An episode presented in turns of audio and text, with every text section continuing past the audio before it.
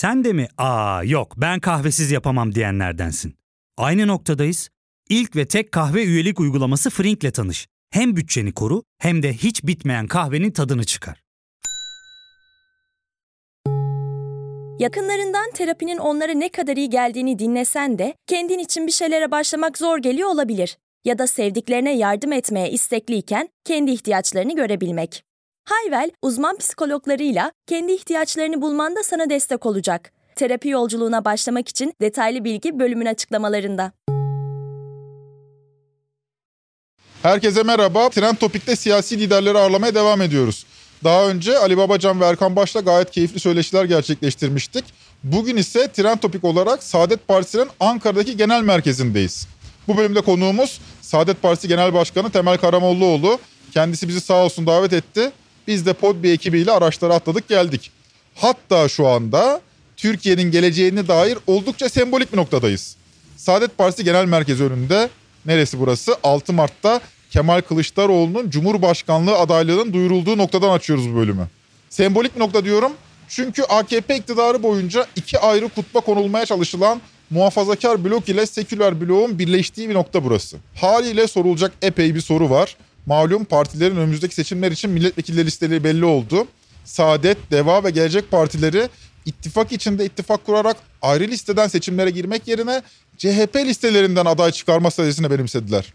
Sıcak gündem bu olduğu için biz de bu soruyla başlayacağız. Daha sonra Saadet'in bugün nasıl Kemal Kılıçdaroğlu'nun kararlı destekçisi olabildiğini konuşacağız. Muhafazakar mahalle ile seküler mahalle arasında bu temasın konuşmaya değer olduğunu inanıyorum. Bunlar dışında oldukça farklı konular hakkında da konuşacağımızı düşünüyorum. Malum Temel Bey siyaset sahnesindeki en deneyimli siyasetçilerden biri. 50 yılı aşkın süredir siyaset sahnesinde bu deneyime de tanıklık edeceğimiz yerler olacaktır. Zaten Temel Bey ile uzunca bir sohbet edeceğimizi düşünüyorum. Kendisi bize bir saatten fazla vakit ayıracak. Söyleşiyi bu nedenle iki bölüm olarak yayınlayacağız. Lafı daha fazla uzatmaya gerek yok. Ben Ozan Gündoğdu. Hazırsanız başlayalım.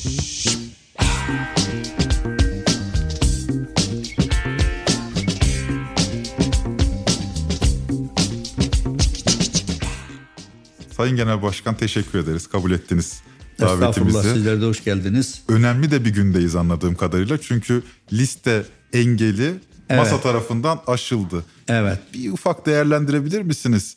Çünkü tartışmalar da oldu. Ortak liste olacak mı olmayacak mı? Evet. Keza. Yani uzun zaman bu konular görüşüldü. Biz hazırlıklarımızı seçime tek başına mıza girecekmişiz gibi yaptık. 600 kişiyle mülakatlar yapıldı. İsimler belirlendi. Ama bu arada da parlamentoda biraz daha güçlü temsil edilebilmek için de bir çalışma, diyalog ortamı vardı. Birkaç konuda daha doğrusu birkaç türlü bu koordinasyon çalışmaları devam ediyordu. Sonunda bugünkü noktaya geldik. İşte birkaç tane ittifak sağlanmış oldu. Bizim ittifakta Cumhuriyet Halk Partisi listelerinden seçime girmek, böylece mecliste biraz daha güçlü bir şekilde temsil edilmek, şartlar uygun olursa da bir grup kurmanın yolunu da aramak. İnşallah hayırlara vesile olur diye ümit ediyoruz. Sizin bu zamana kadarki temel öneriniz masaya bir üçlü ittifaktı. Yani evet. altılı masa içinde Doğru. Deva, Gelecek ve Saadet'in bir araya evet. geleceği bir ittifaktı. İttifak. Bu ittifakın %7'yi de aşacağını iddia ediyordunuz. Böyle bir sinerji de oluşacağını söylüyor. Ama evet. olmadı. Neden olmadı? İşte orada arkadaşlarımızın e, bazılarının biraz daha kanaatime göre biraz ön yargıları oldu gibi geliyor. Ne gibi? Ee, yani herkes kendi amblemiyle seçime girmeyi arzu ediyor. İster istemez. Bizim de argümanımız biz Türkiye satında bütün il ve ilçelerde teşkilatlanmış bir partiyiz. İki, 7-8 seçime girdik. Bir seçim tecrübemiz var. Üç, bundan dolayı hem sandık başlarında hem seçim kurullarında temsil ediliyoruz. Bu imkanı kaybetmememiz gerekir. Bu gerekçelerle öbür arkadaşlar daha yeni partilerini yeni kurmuşlar. Teşkilatlandık diyorlar ama bir seçim geçirmeden o teşkilatların ne kadar yerinde oturduğunu söylemek mümkün olmaz. Bundan dolayı biz Saadet Partisi amblemi altında girmenin uygun olacağını düşünmüştük ama işte bir grup biz kendi amblemimizi düşünüyoruz deyince iş bitmiş oldu. Ama günün sonunda Yalnız şu var. Evet biz kendi amblemimizle gireriz demiştik. Yaptığımız anketlerde, yapılan anketlerde bizim az çok oy potansiyelimiz biliniyor. Bilinmiyor değil. Bir araya geldiğimiz zaman bu üçlü ittifakın en az 6, 7, 8 hatta olabileceği kanaati vardı. Ancak yapılan anketlerde doğacak sinerjiyle bu rakamın yüzde 13-14'lere kadar çıkabileceği kanaati de vardı ki ben inanıyorum buna. Gecikmek bizi biraz zayıf düşürdü ama başlangıçta eğer böyle bir karar verebilmiş ve bunun üzerine biz bir seneye yakın bir çalışma yürütebilmiş olsaydık benim kanaatim biz çok güçlü bir şekilde parlamentoda temsil edilirdik. O olmayınca da Cumhuriyet Halk Partisi'nin de teklifiyle böyle bir yola tevessül edildi. Şöyle söylentiler oldu. O söylentileri doğrular mısınız? Saadet Partisi bir muhafazakar ittifak öneriyor. Çünkü geniş muhafazakar kesimlerin oyunu bu şekilde alabileceklerini düşünüyorlar. CHP'ye eli gitmez, altı oka eli gitmez İslami kesimlerden gelen insanların. O yüzden üçlü ittifak öneriyordu. Şimdi o olmayınca muhafazakarlar Şimdi şöyle, bu senaryoda bu, oylarını CHP'ye vermezler diye bir söylenti var. Ne şimdi, dersiniz buna? Yani bu düşünce var vatandaşlarda genelde. Bunu biz yok diye düşünemeyiz. Ancak bizim teşkilatlarımız bugüne kadar yüzde 90, 90'ın da üzerinde bizim yapacağımız bir ittifakı destekleyeceklerini bu Cumhuriyet Halk Partisi de olsa beyan ettiler. Ha bizim kendi teşkilatlarımızın veya bizim kendi müntesiplerimizin dışında ilave oy alabilir miyiz? O ayrı bir konu. Biz bundan dolayı esas itibariyle üçlü ittifakın daha büyük bir potansiyeli olduğunu düşünmüştük ama bitti. Artık onun üzerine ağlayıp sızlamamıza ihtiyaç yok. O gerçekleşmedi.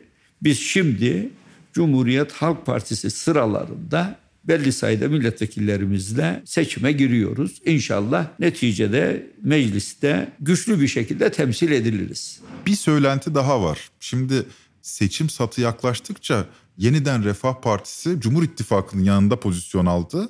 Fakat evet. bu anladığım kadarıyla bu partinin tabanında çok reaksiyon aldı. Evet, reaksiyon doğru. aldı. Bu reaksiyonun sonucu olarak Saadet'in oylarında bir, bir artış olacağı iddia ediliyor. Siz evet. gözlediniz mi? Bir kamuoyu araştırması var mı ya da elinizde? Şu anda oradan bundan dolayı bir kopuş var.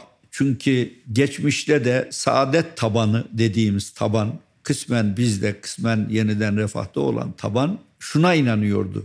Yani bugünkü Cumhurbaşkanı ve Cumhur İttifakı Erbakan hocamıza ihanet etti. Terk etti. Yeni bir oluşumun içine girdi.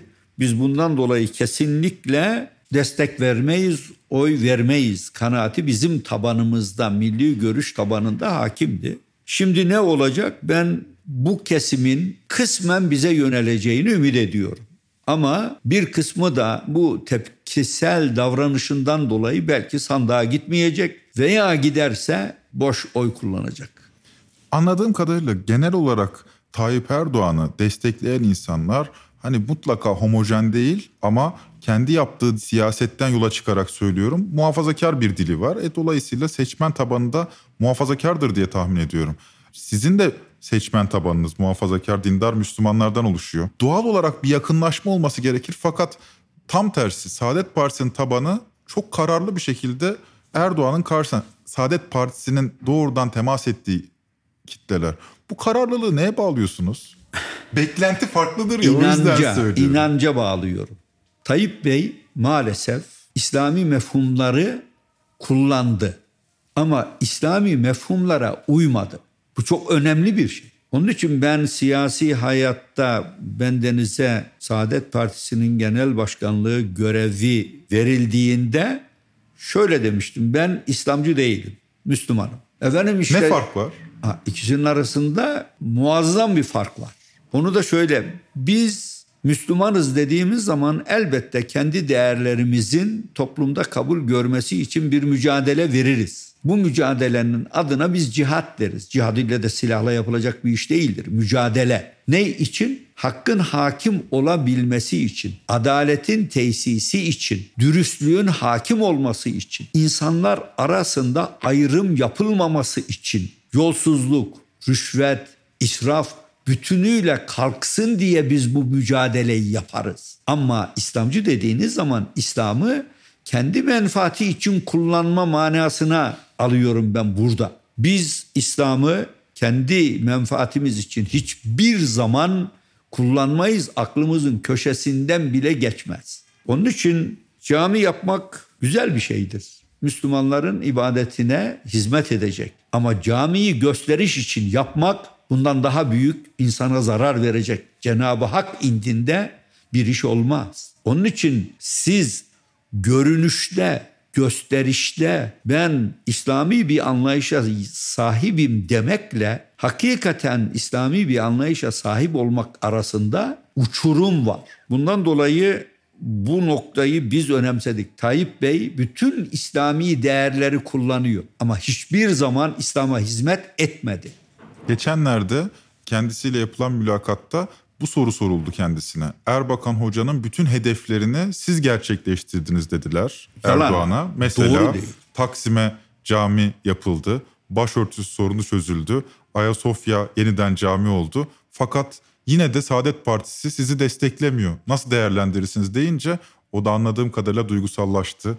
Olacak iş değil falan dedi. Gerçekten şimdi böyle sıralayınca evet bunlar hepsi Erbakan'ın Ne da bu? söyledikleriydi. Benim dediğim şekil. Ben cami yaparım ama caminin içindeki söylenen, okunan ayeti kerimelere uymam. Yalan söylemez bir Müslüman. Müslüman iftira etmez. Kimseye hakaret etmez.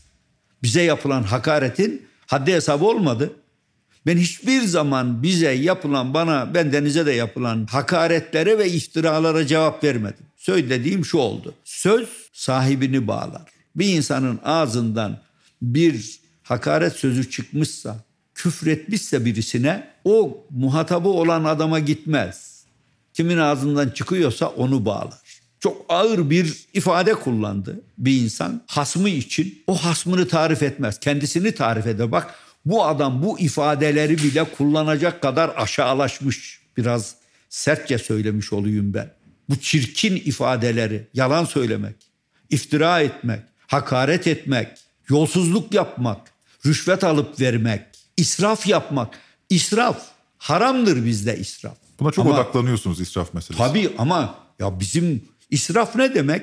Garibanın cebinden parayı alıp kendi itibarın için harcamak demek. Tayyip Bey diyor ki itibarda israf olmaz. Yani o kadar ileriye gidiyor ki itibar kazanabilmek için ben israf yaparım. Yani garibanın cebindeki parayı alır benim itibarım için kullanırım. Onun için Tayyip Bey Taksim'e biz cami yapılmasına karşı çıkmayız elbette. Ayasofya'nın ibadete açılmasına da karşı çıkamayız, çıkmayız. Mümkün değil. Ama bunun ne maksatla yapıldığına baktığımız zaman o zaman deriz ki yo siz burada sadece zarfa bakıyorsunuz. Mazrufa değil. O zarfın içinde olana değil. Değerlerdir önem olan. İslami değerlere kimse Müslüman olsun olmasın itiraz edemez. Adalet diyoruz. Adalet mülkün temelidir. Kimse adalet olmasın diyebilir mi? Yok. Biz hakkaniyet diyoruz. Rüşvet, yolsuzluk olmasın diyoruz. Demin söylediğimiz gibi yolsuzluk da olmasın, israf da olmasın ama aynı zamanda bu memlekette insanlar bir göreve getirilirken onların size yakınlığından, ırkı yakınlığından değil, onların o göreve liyakati olup olmamasına bakarak göreve tayin edilmesi gerekir diyoruz. Liyakat çok önemli bir iştir. Ama bu arkadaşlarımız benim şu saydığım hiçbir konuda maalesef sınıfı geçemediler. Hiçbir konuda. Liyakat bunlar için hiç önemli değil. Bana yakın olsun. Sözümden çıkmasın. Kendine yakın olacağını düşündüğü için üniversitenin başına, teknik üniversitesinin başına bir tane ilahiyatçı tayin ediliyor. Yahu ben ilahiyatçının ya değer verilmesini hiçbir zaman küçümseyemem. Yani ilahiyat bilgilerine sahip, kendisi o noktada ihtisas yapmış, derinlemesine konuları incelemiş bir insanı takdir ederim. Ama hiçbir zaman ona da bir mühendislik meselesini gel şunu sen çöz demem. Bilmez. İş ehline verilir. Uzman olduğu sahada bir insana görev verilir veya ondan hizmet beklenir. Bizim şu anda devlet yönetiminde Tayyip Bey'den gördüğümüz tek bir kıstas var. Benim sözümü tutacak mı tutmayacak mı? Sadakat. Sadakat.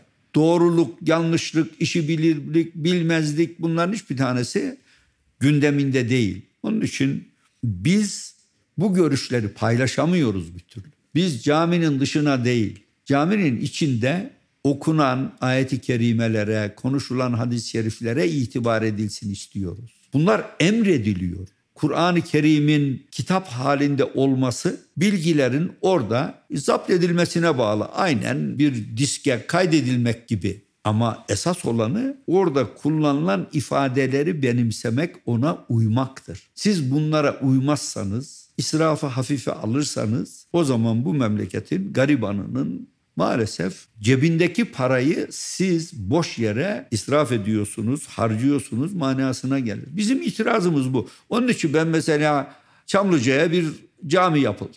Muazzam bir cami. Türkiye'nin en büyük cami. Ama E ama etrafında camiye gidecek adam yok. Şimdi cami ne için inşa edilir? Gösteriş için değil. Cami insanlar ibadet etsinler diye. Siz 60 bin insanı toplayamazsınız orada. Ben bunu dedim diye seferberlik ilan ettiler. Ta Bursa'dan adam getirdiler sabah namazına orayı doldurabilmek için. Ne oldu? Birçok insan camiye giremedi. Yolda kaldı namazını kaldırımda kılmak mecburiyetinde kaldı birçok insan.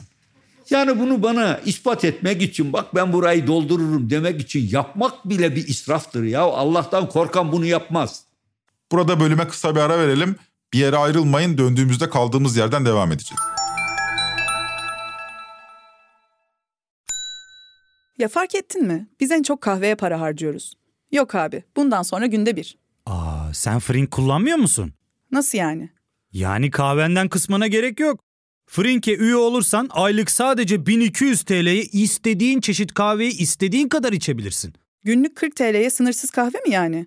Çok iyiymiş. Aynen. Hatta şu anda 200 TL'lik bir indirim kodu da var. E hadi hemen indirip üye ol da bu fırsatı kaçırma. Terapiye başlamak, içinden çıkamadığın döngüleri kırmak, bazı yanlış bulduğun kararlarını değiştirmek ve kendinle beraber daha huzurlu bir yaşam inşa etmek için atabileceğin en değerli adımlardan biri. Hayvel ile yoğun yaşam tempona uyum sağlayarak online terapi seanslarını takvimine göre ayarlayabilirsin. Bini aşkın uzmandan sana en uygun terapisti seçebilir, podb10 koduyla indirimden yararlanabilirsin. Detaylı bilgi açıklamalardaki bağlantıda. Gözlediğim kadarıyla katılıyor musunuz bilmiyorum. En ağır hakaretlere maruz kalan hareketlerden bir tanesinin başındasınız. Çünkü şöyle sıkıştırıyorlar sizi. Hani amiyane tabirle ifade ediyorum. Siz CHP'li oldunuz, siz davanızı sattınız, şöyle oldu. Gerçekten şimdi bir yandan da Erdoğan'ın karşısında konumlanıyorsunuz ama CHP ile yan yana durmak da sizin için zordur diye düşünüyorum. Öyle mi? Şöyle CHP'nin bugüne kadar izlediği politikalara baktığımız zaman bizim CHP'ye bir sıcaklık duyma ihtimalimiz yok. Çok büyük yanlışlar yapmışlar. Ve CHP bundan dolayıdır ki 1950 seçimlerinde bir defa kaybetti.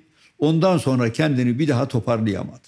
Ecevit zamanında 77 seçimlerinde bir miktar oyunu artırdı ama hep %25 bandında kaldı. Niye böyle oldu? Bunu ilk defa benim gördüğüm kadarıyla Kılıçdaroğlu sorguladı ve arkasından dedi ki vay canına ya biz geçmişte cidden büyük hatalar yapmışız. Gelin helalleşelim. Bak helalleşme arzusu çok önemlidir. Ben bir yanlış yapmışım. Onun farkına vardım. Gelin barışalım demektir bu. Biz hatamızı kabul edelim. Gelin kucaklaşalım. Ha işte biz Kılıçdaroğlu'nun bu tavrına itibar ettik. Ondan sonra da kendisiyle birkaç sefer bir araya geldik. Söz gelimi ben Sayın Kılıçdaroğlu'nu bizim Erbakan hocamızı anma toplantısına davet etmiştim. E geldi öyle bir konuşma yaptık ki beni ihya etti. Kudüs mitingi düzenlemiştik Kudüs'e yapılan saldırılar neticesinde. İstanbul'a geldi bir konuşma yaptı. Ben bunu tekrar tekrar söylüyorum. Bizim arkadaşlar dediler ki Kılıçdaroğlu'nun yaptığı konuşmayı sen yapmalıydın dediler. o kadar beğenmişler. Ben biraz daha yumuşak kalmışım. E bu neyi gösteriyor? Bir yerde ben bir samimiyet görüyorum. Kılıçdaroğlu'nda geçmiş hatalarımızı kabul ediyoruz. Bu hatalardan dönüyoruz. Toplumla da barışmak istiyoruz. Ben bunu ciddi gördüğüm için güzel bir şey dedim buna. Ve Sayın Kılıçdaroğlu'yla da irtibat kurduk. İlk birlikteliğimiz ne zaman oldu? Cumhurbaşkanı Erdoğan'ın ilk defa yani Türkiye'yi yönetebilmek için tek sese ihtiyaç var. O da Cumhurbaşkanlığı sistemiyle olur. Bütün yetkileri ona verelim diye bir fikir ortaya attı. Ben bu diktatörlüğe giden yoldur bu benim kanaatim. İlk defa biz Cumhuriyet Halk Partisi ve İyi Parti ile o zaman bir araya geldik. Buna karşı çıktık. Sadece referanduma gittiği zaman bu yanlış bir şey. Türkiye'nin geleceğini tehdit altına atar ve bu bizi diktatörlüğe götürür. Maalesef referandum geçti. Onun arkasından da bu yeni sisteme göre seçim yapıldı. Biz o zaman da gene bir araya geldik. Halkı da uyarmaya çalıştık. Bakın bu sistem yanlış. Gelin Tayyip Erdoğan'ı bu noktada seçmeyin. Oyu verin bize. Biz düzeltelim dedik bunu. O da tasvip görmedi. Şimdi milletimiz bunun aksaklığını ve eksikliğini gördü kanaatindeyiz. Yaşayarak gördü. Artık meclisin bir hükmü yok. Cumhurbaşkanının dediği olacak sadece. Bu emin olun padişahlarda bile olmayan bir yetki. Padişahlar kendi kurdukları istişare organlarının kararlarına uyarlardı, itibar ederlerdi. Siz diğer genel başkanlardan çok daha eski tanıyorsunuz Tayyip Erdoğan'ı. Tabii evet. Bir yandan da böyle bir eğilimi olduğunu anlamadınız mı? Ya da ya Yo, gördük. Anlamanın ötesinde gördük. Yani Tayyip Bey maalesef dikte ettirmeye alışkın. Dediğim olacak diyor. Sorgulanmasını arzu etmiyor. Bu konuyu müzakere etmek istemiyor. Bu insan yapısında. Ama buraya da insan birdenbire gelmiyor. Siz buna hemen birdenbire vay canına bu böyleymiş diyemiyorsunuz. Beraber yaşamanız lazım. Beraber bazı konulara yaklaşımını görmeniz lazım. Tayyip Bey tabii bu hasletinden dolayı bizim içimizde uzun zaman kaldı. Biz kendisi belediye başkanımız oldu, kendisini destekledik. Daha sonra belediye başkanlığı zamanında biz istişare ettik, birlikte kararlar aldık. E bütün belediyeler çünkü 89'da 5 belediyeyi kazanmıştık biz. 94'e gelince 29 belediyeyi kazandık. İstanbul ve Ankara başta olmak üzere. Ve bu konuda maalesef belli bir noktaya gelip de Tayyip Bey bir şiirinden dolayı mahkum olunca tabii üzüldü. Biz de üzüldük. Bir şiirden dolayı şiir okudu diye Üstelik de bu şiir kitaplarda okutulan bir şiir. Yani herhangi bir şiir de değil. Ona karşı yapılan bu muamelenin tamamen haksız. Hakikaten o hakimlere ben hakim demem. Bunlar hakim değil. Hakim müsveddesi olurlar ancak. Bir şiir okudu diye insanın 3 ay hapse bütün siyasi ömrüne yasak getirilebilir mi? Getirildi. O Tayyip Bey'i hırslandırdı. Tayyip Bey orada hırslanınca kendisine başka ülkelerden başta Amerika olmak üzere bayağı iltifatlar gelmeye başladı. İşte Beyaz Saray'da daha siyaseten yasaklıyken Cumhurbaşkanı poz verdi. Daha sonra Amerika Siyonist Kongresi tarafından kendisine işte çıkardım dediği gömlek yerine bir Siyonist gömleği giydirildi. Milli Görüş gömleğini çıkardığını ifade etmişti. Üşümesin diye bir gömlek verdiler. Ondan sonra da geldi. Bu istikamette kendisine destekler verildi. Çalıştı. Takdiri ilahi yani 2002 seçimlerinde %35 civarında oy aldı. Ama 3 parti %10 barajının altında kaldığı için %70 anayasayı değiştirecek çoğunluğu kazandı. Ondan dolayı zaten kendi şeyi ortadan kaldırıldı hemen yasaklama. Onun arkasından da önce başbakan arkasından mücadele ettiler. Yalnız bakın Tayyip Bey'le mücadele eden o günkü askeri erkan ne yaptığının farkında değildi. Gene yanlış yapıyorlardı. Siz Cumhurbaşkanı'nın tayin ettiği insanlarsınız. Siz evet askersiniz. Bu memleketi korumakla görevlisiniz. Canınızı yeri geldiği zaman feda edeceksiniz ama her şeye rağmen siz bir memursunuz. Siz hükümete tavır koyamazsınız. Kendinizi hükümetin yerine koyamazsınız. Bu hallere girdiler. Sonunda da Tayyip Bey'in önü açıldı. Vay canına ya hakikaten ben tek başına karar verecek noktaya gelmeden bu memleketi yönetmek mümkün olmaz dedi. Gitti referandumla tek başına ülkeyi yönetme hakkını kazandı, kararını aldı. Onun için bakıldığında süreç çok enteresan bir şekilde gelişti. Fakat tekrar söylüyorum Tayyip Bey'in kalbinin derinliklerinde ne yatar bilmiyorum. İnşallah ben bütün buna rağmen imanı vardır diye düşünüyorum. Ancak icraatları inancıyla hiç bağdaşmadığı kanaatindeyim. Şimdi Erbakan Hoca'yla 67 yılından beri berabersiniz. Değil mi? 67. Ben 67 yılından beri beraberim. Son zamanlarda Tayyip Bey benim önüme geçmeye çabuk çalışıyor da. Benden sonra bilir diyor Temel Bey şey. Ben 67'de Erbakan Hoca'yı tanıdığım zaman Tayyip Bey o zaman tabiri caizse kısa pantolonluydu. 13 yaşındaydı daha. Siyaset nedir bilmezdi. Ha o diyebilir ya ben o zaman da siyasetle ilgileniyordum da onun esamesi okunmaz.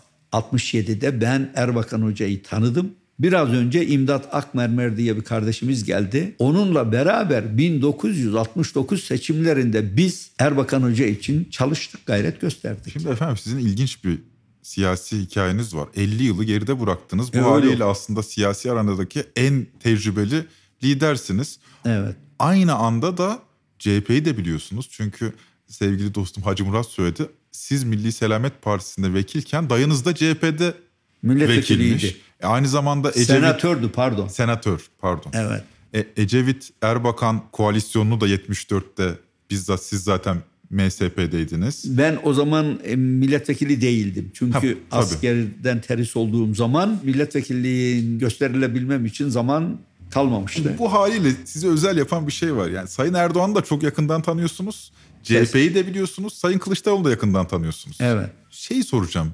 Seccade fotoğrafını gördüğünüz anda ne hissettiniz? Anam dediniz. Yani şimdi Erdoğan bunun üzerinden de ben görünce açıkçası ilk duygum o oldu. O dedim 15 gün bunu konuşuruz biz. Ben öyle düşünmemiştim. Yani bir yerde iftara davet ediliyorsunuz. İftardan sonra sizinle bir fotoğraf çektirmek istiyorlar. Benim anlamadığım onu niye kaldırmamışlar oradaki seccadeleri? Çünkü seccade bir yer temiz değilse serilir, namaz kılınır ve kalkar. Yani ben evde seccade sermem genelde. Çünkü ev temizdir bizim eve. Ayakkabıyı çıkarır girersiniz. Ama eğer böyle 3-5 kişi varsa seccade sereriz bazen. Seccade serdiğimiz zaman da hemen kaldırırız namazdan sonra. Orada bir ihmal olmuş. Anlaşılan birkaç kişi namaz kılmış. Sayın Kılıçdaroğlu da görmemiş, farkına varmamış. Yani bu farkına varsa ben kaldıracağını zannediyorum. Başkaları da görmedi. Uzaktakiler daha rahat görürler. Ama ben bunun bu kadar istismar edilebileceğini düşünmemiştim şahsen. Şöyle bir algı yaratıyor Erdoğan. Ben öyle hissediyorum. Ya öyle büyük bir kötülük timsali ki karşıdaki ya bile isteye seccadeye basacak utanmasa Kur'an-ı Kerim yakacak. Yani öyle bir kötülük. Ben de diyorum ki bir Müslüman nasıl oluyor da yalan söyleyebiliyor? Seccadeye bir insan bassa bilerek yani dini istiskal edebilmek için, küçümsemek için basarsa günah olur. Başka bir günah yoktur. Seccade bir kutsal bir bez değildir ki. Onun ayrı bir kutsallığı yok seccadenin. Şimdi Ama siz böyle dediniz. yalan söyleyemezsiniz. İftira edemezsiniz. Yolsuzluk yapamazsınız. Haram yiyemezsiniz. Yetimin malına el uzatamazsınız. Karar vereceğiniz zaman adil olmalısınız. Liyakate önem vermiyorum diyemezsiniz. Esas bunları bağırarak Tayyip Erdoğan'ın söylemesi lazım. E onu bırakacaksınız. Seccadeyi çıkarıp kendinize kalkan yapacaksınız. Allah'tan korkun derim ben ya. Bu kadar düşmemeli bir insan. Bakın ben gençler bunu dinliyor. Ben bu tip misalleri verdiğim zaman bazıları da rahatsız oluyor. Kusura bakmasınlar.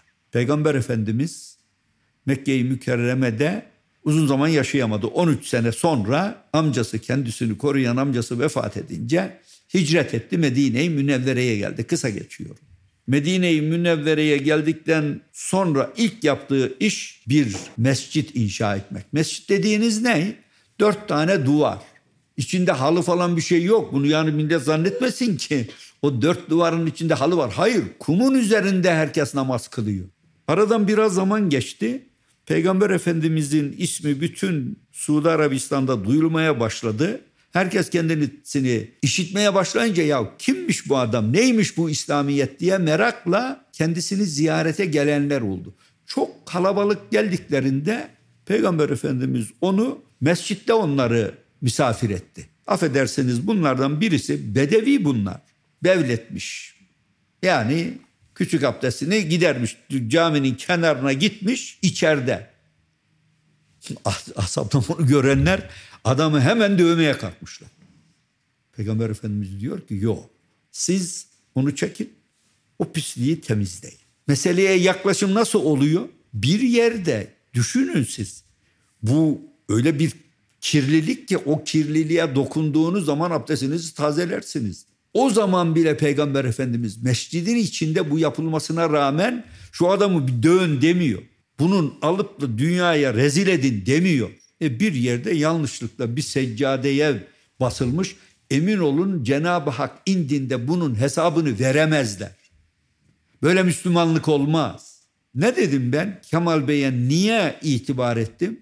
Kemal Bey dedi ki helalleşelim. Ben de bunu tabii bir davet olarak gördüm. Niye helalleşme noktasına gitmedi Tayyip Bey? Helalleşme ne demek? Ya ben şu hatayı yapmışım. Özür diliyorum, af diliyorum. Sizin yaptığınız hatalar varsa ben de onlardan feragat ediyorum. Helalleşme demek bu demek. Yani toplumun içinde barışı tesis etmek, uzlaşmak demek, hataları kabullenmek demek. Siz bunu yapmayacaksınız. Bir yerde bir seccadenin üzerine bilinmeden üstelik de Sayın Kılıçdaroğlu bile özür diledi.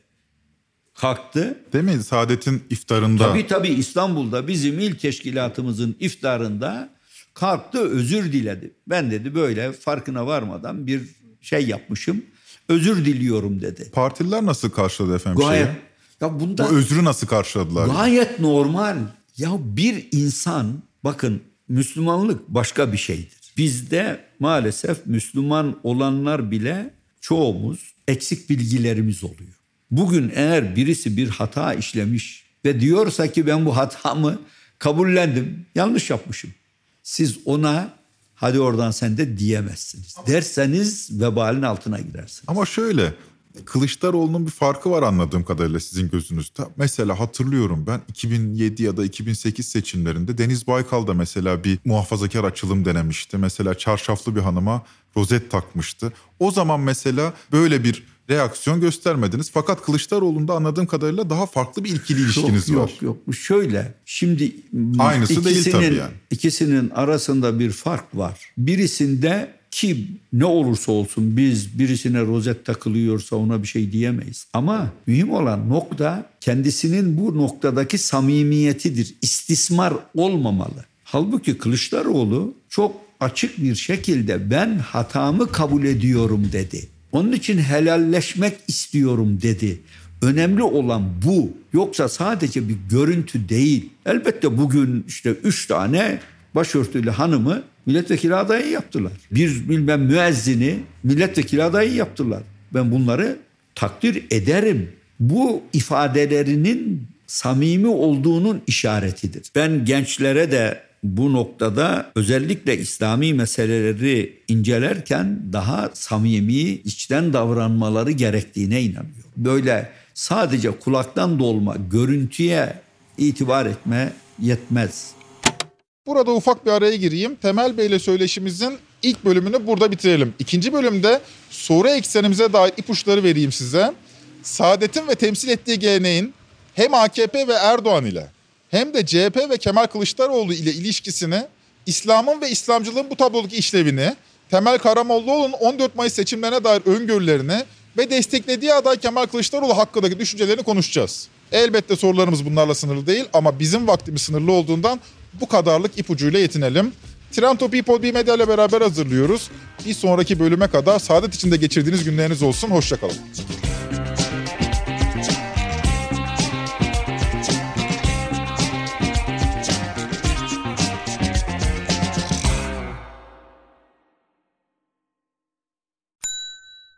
İlk ve tek kahve üyelik uygulaması Frink, 46 ildeki 500'den fazla noktada seni bekliyor.